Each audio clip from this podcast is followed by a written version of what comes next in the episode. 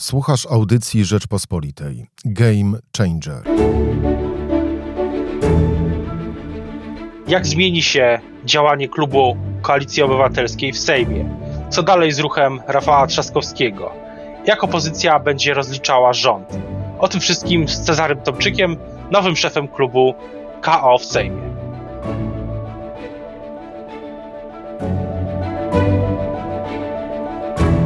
Na program zaprasza Michał Kolanko.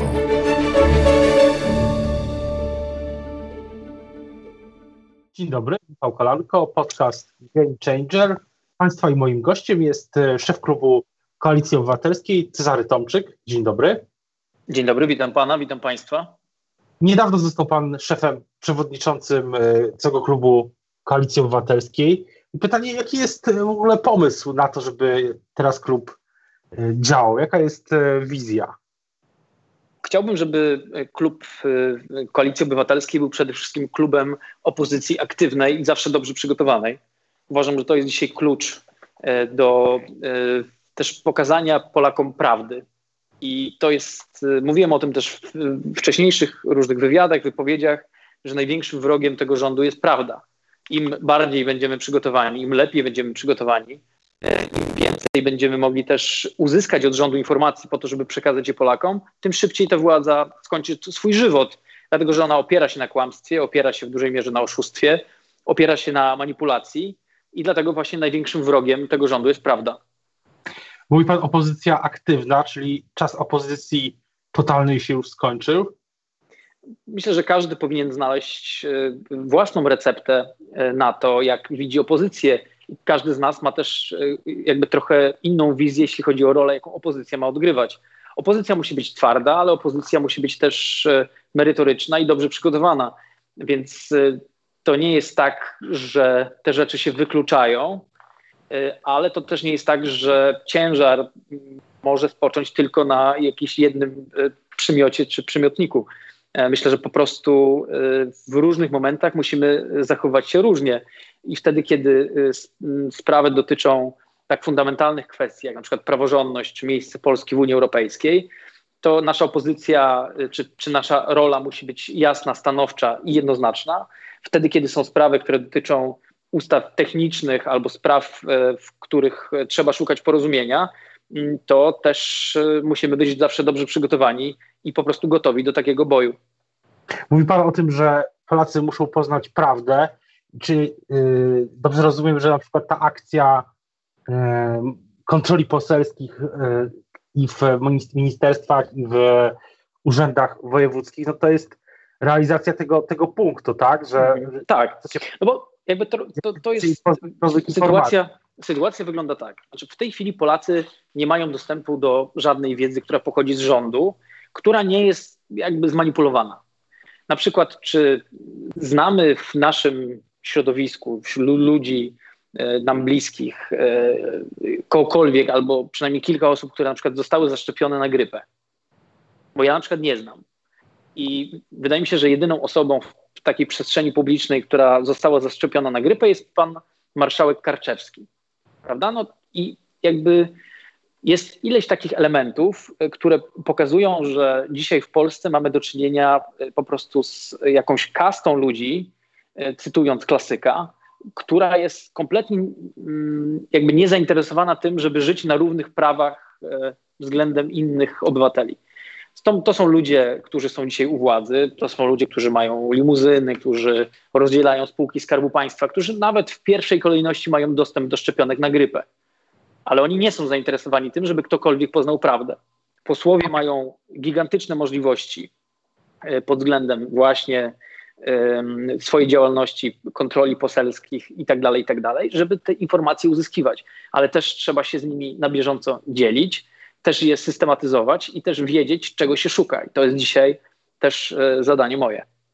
Ale też na ile w tym ramach tego zbierania informacji, recenzowania, przetwarzania tych informacji będzie działał, czy będzie działał jeszcze, będzie działał jeszcze coś w rodzaju tego gabinetu cieni, który chyba od kilkunastu miesięcy się nie zebrał. Gabinet Cieni jest jakby historycznym tworem, który skończył się wraz z nadejściem nowej kadencji i dzisiaj potrzebna jest zupełnie nowa formuła. Ja to też zapowiadałem, więc powstanie taki system sekretariatów, który pozwoli na to, żeby poszczególni posłowie, którzy odpowiadają za ekonomię, odpowiadają za zdrowie, za rolnictwo, mogli recenzować rząd tylko że to nie ma być gabinet cieni, a raczej zespół recenzentów i ludzi odpowiedzialnych za poszczególne działy. I pewnie w ciągu najbliższych tygodni e, do powołania czegoś takiego dojdzie. Ale to jest tylko jedno z narzędzi. Pamiętajmy, że na samym końcu właśnie chodzi o tą prawdę. Czyli będziemy pokazywać na przykład, e, chcemy przygotować raport o stanie państwa. Taki raport, jak e, pan doskonale wie, na przykład przygotowywany jest w Stanach Zjednoczonych przez y, prezydenta Stanów, który wygłasza y, orędzie o stanie państwa. I y, mam wrażenie, że w Polsce nikt nie wie, jaki jest stan państwa w tej chwili. To znaczy, nie wiemy, jaki jest stan finansów państwa, nie wiemy, jaki jest stan ekonomii, nie wiemy, jaki jest, jakie, jakie są dane w poszczególnych działach, bo albo zostają one często utajnione, albo zmanipulowane. I my musimy dzisiaj odgrywać rolę też nie tylko recenzenta, ale też kontrolera, no i kogoś, kto jest w stanie stworzyć jakąś alternatywę i wizję na przyszłość. I pewnie Właśnie. te trzy działania są najważniejsze. Czyli kontrola, recenzja i alternatywa. Tak. Ale też, e, no i chyba, chyba najwięcej zarzutów, jeśli chodzi o opozycję, mm, jest, jeśli chodzi o to trzeci, e, trzeci, trzeci wątek, czyli wizję. Ja na przykład e, rozmawiając z moimi rozmówcami, ale też z ludźmi spoza polityki. Oni często na to zwracają uwagę. Myśli pan, że to tutaj właśnie jest największa rola klubu, czy partii, czy, czy może też zaplecza eksperckiego mm, Platformy i, szerokiego środowiska koalicji obywatelskiej? To, to, co tu się najbardziej liczy? Widzieliśmy w kampanii wyborczej Rafała Trzaskowskiego, jak wygląda możliwość stworzenia takiej wizji. Nie mam wrażenia, żebyśmy w tej kampanii w jakimkolwiek momencie byli w defensywie. Myślę, że jest wręcz odwrotnie, że to rywale musieli odnosić się do, e, do tego, co mówił Rafał Trzaskowski. On tam prezentował jasną wizję. Wizję państwa, które jest zupełnie inne e, w stosunku do tego, które widzimy. Mówiliśmy, jakby każdy wie, jak jest, a my się zastanówmy, jak może być. I to jest mm, tylko, że pamiętajmy, że wszystko musi mieć swoją etapowość. I uważam, że dzisiaj jest tak, że w pierwszej kolejności, też po różnych nie tylko wpadkach, ale różnym, powiedzmy, różnych trudnościach w ramach samej koalicji. My dzisiaj musimy e, jakby przejść przez fazę kontroli recenzji i wejść w fazę e, tego, jak ma wyglądać e, Polska później, ale też jak ma wyglądać teraz. Jakie są na przykład propozycje Koalicji Obywatelskiej w sprawie COVID-u. Te rzeczy chciałbym, żeby były jakby mm, bardzo widoczne też w ciągu tych najbliższych tygodni, żeby każdy wiedział, jaka jest propozycja koalicji w sprawie na przykład właśnie walki z epidemią, żeby każdy wiedział, jaka jest propozycja koalicji w sprawie podatków, żeby każdy wiedział, jaka jest propozycja koalicji w sprawie zdrowia. I to jest nasz wspólny wysiłek, mój, przewodniczącego e, Borysa Budki, żeby w ciągu tych najbliższych miesięcy e, jakby to było czymś naturalnym, jeżeli chodzi o naszą działalność. My musimy po prostu wyciągnąć wnioski zarówno z kampanii wyborczej, jednej i drugiej, jak i z tego okresu, który nie był e, jakimś najlepszym okresem, czyli tego okresu po tak zwanej wpadce, z, czy, czy właściwie poralnej wpadce z ustawą dotyczącą podwyżek. Z tego po prostu trzeba wyciągnąć jasne wnioski i tyle. Czy to nie jest tak, że ta sprawa sprawiła, że koalicja jest za bardzo zależna od swoich wyborców? Wiem, że to brzmi paradoksalnie, ale tak to wyglądało wtedy, że był dramat, był bardzo E, bardzo silny, wręcz e, silne emocje w mediach społecznościowych, wśród liderów opinii ważnych dla koalicji obywatelskiej, wśród polityków ważnych dla koalicji, jak Donald Tusk. Była taka fala emocji, która wydaje się, że zmusiła e, koalicję do tego, żeby zmienić zdanie. Ale to nie powinno być, czy to nie jest tak, że, że po prostu koalicja i przywódcy, w tym pan, są po prostu teraz zbyt spętani tym, co ktoś E, może mm, powiedzieć, napisać i, i tak dalej o jakiejś kolejnej kontrowersyjnej sprawie? To najgorsza rzecz, rzecz, która może się zdarzyć e, każdej partii, formacji i tak dalej, to jest jakby działanie wbrew ludziom, którzy na nas głosowali. I my jasno mówiliśmy wtedy, ja nie byłem wtedy we władzach klubu, ale mówiliśmy bardzo jasno, że to był po prostu błąd. I uważam, że to jest raczej nasza siła niż nasza słabość. Dlatego, że my nie tylko musimy pokazać, że jesteśmy z ludźmi, my musimy być z ludźmi, my musimy wyciągać wnioski z tego, co nasz elektorat sądzi. W tej sprawie ludzie, którzy na nas głosowali, mieli bardzo jasny pogląd. I niewyciągnięcie wniosku z tego byłoby największym błędem, który można było popełnić, dużo większym niż e, sam wejście w ten problem i, i, i po prostu dokonanie tego błędu. Dlatego po prostu wyciągajmy wnioski i idźmy do przodu. E, zamknął się jakiś etap. Pamiętajmy, że też mamy za sobą właśnie wybory w klubie, że, że takie rzeczy jakby zostawiamy za sobą. A dzisiaj jest sytuacja zupełnie inna. Dzisiaj mamy być może najpoważniejszy kryzys e, w historii nowożytnej Polski, powiedzmy po 1989 roku kiedy jesteśmy w przededniu wielkiej pandemii. E, jedna przededniu, rzecz. Tak. Jedna rzecz, proszę, wracając proszę. Do, do tych podwyżek, bo na przykład PiS, czy PiS potrafi czasami zadziałać wbrew swojemu elektoratowi, jak przy sprawie zwierząt. I tu z kolei jest sojusz taktyczny, tak się przynajmniej wydaje, z, z opozycją. Mhm. Wie pan co, badania w sprawie ustawy o zwierzętach nie są tak jednoznaczne, jak mogłoby się wydawać. I sam PiS dzisiaj e, próbuje składać poprawki w Senacie, żeby tę ustawę nieco zmienić, dlatego że to też nie jest dla nich łatwe. E, oni oczywiście w pierwszej fazie można e, założyć, że działali przeciwko swojemu elektoratowi, natomiast sytuacja w trakcie mocno się zmieniła, dlatego że decyzja, którą podjął Jarosław Kaczyński, to była e, decyzja podyktowana też próbą policzenia głosów we własnym klubie, zmuszenia ludzi do uległości, po to, żeby było łatwiej przeprowadzać ustawy w przyszłości. Dzisiaj E, poczucie w PiSie jest takie, że oni mogą zrobić po prostu wszystko i że nie ponoszą za to żadnej odpowiedzialności również przed własnym elektoratem. I uważam, że nic bardziej mylnego i po tych poprawkach w Senacie, które właśnie od 30-40 minut są składane, to widzimy. Ale też e, co do druga sprawa, e, jeśli chodzi o, zamykając też wątek tej instytucjonalnej, mm, tego jak instytucjonalnie wygląda mm, koalicja obywatelska, na ile w tym takim trójkącie, czy to w ogóle jest taki trójkąt y, klub, partia, ruch y, Nowa Solidarność Rafała Trzaskowskiego? Y, klub mówił też szeroko, senat, senacki i mhm. sejmowy, partia i, i ten ruch. Tak to ma wyglądać, że w ten sposób będzie, będzie działała koalicja w przyszłości, na trzech, trzech, trzech nogach? Mi jest trudno mówić o, jakby o mojej działalności, ale na pewno jest tak, że klub parlamentarny w sam w sobie jest jednym z najistotniejszych elementów i rzeczywiście e, ruch e, Rafała Trzaskowskiego plus jakby działalność koalicji, to są rzeczywiście te trzy rzeczy, które są bardzo istotne. Zresztą każda jakby wnosi e, coś innego. Klub, często się tak mówi w polityce, że klub parlamentarny jest trochę takim zbrojnym ramieniem partii. I tak jest. Nawet tu toczy się polityka tu są podejmowane najważniejsze decyzje, tu jest też życie medialne, codzienne.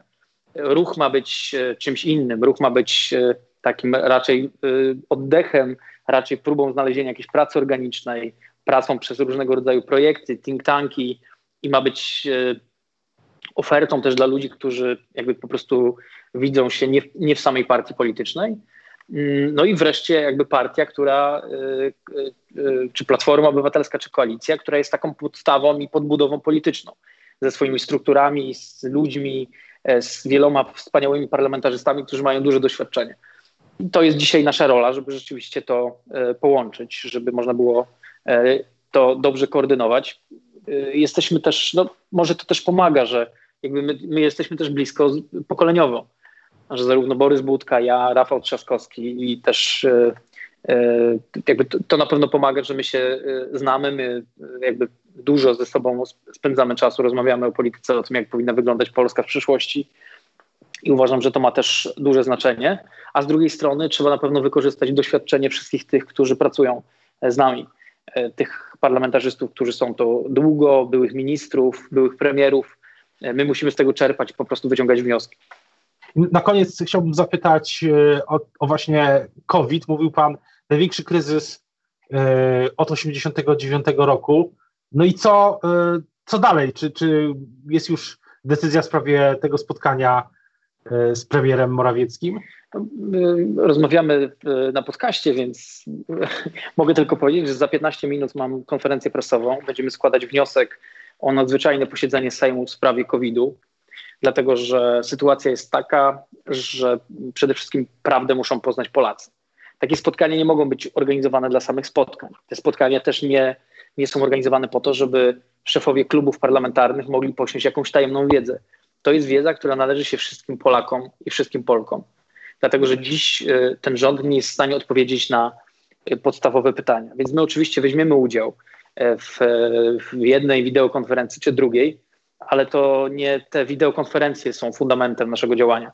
Fundamentem powinna być jasna informacja rządu i jasna strategia działania w walce z COVID-em i ona powinna być przedstawiona tutaj w parlamencie, nie w żadnym innym miejscu. E, I to jest, e, myślę, najważniejsze. Najważniejsza jest po prostu powszechna zasada jawności. Każdy musi znać prawdę. A dzisiaj kto zna prawdę? Myślę, że nawet, e, nawet ministrowie PiSu, którzy zbyt dużo oglądają TVP Info, mogą mieć z tym problem.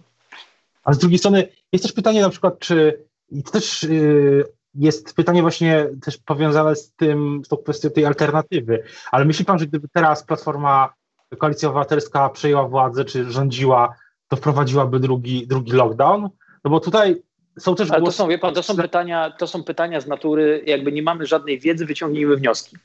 A to jest po prostu, y, jakby my nie jesteśmy w stanie odpowiadać na tego typu pytania, dlatego że właśnie rząd ukrywa informacje nie tylko przed Polakami i Polkami, w sensie przed społeczeństwem, ale również przed parlamentem, przed służbami. My dzisiaj tak naprawdę nie wiemy, jaki jest stan państwa, zarówno jeżeli chodzi o ekonomię, jak i chodzi o koronawirusa. Jedyne dane, które posiadamy, to są te dane, które dotyczą liczby zachorowań i liczby zgonów. I trudno na tej podstawie wyciągnąć jakiekolwiek sensowne wnioski. Dlatego e, potrzebna jest rzetelna debata i potrzebne jest, po, potrzebne jest informowanie społeczeństwa, bo tylko na tej podstawie, tylko na podstawie prawdziwych danych można wyciągnąć wnioski. E, wydaje się raczej, że ten pierwszy lockdown przy liczbie zachorowań na poziomie kilkudziesięciu osób był e, zbyt dużą czy zbyt, zbyt mocną reakcją. Z kolei teraz reakcji nie widać. I e, najgorsze jest to, że rząd naszym zdaniem zmarnował te ostatnie pięć miesięcy.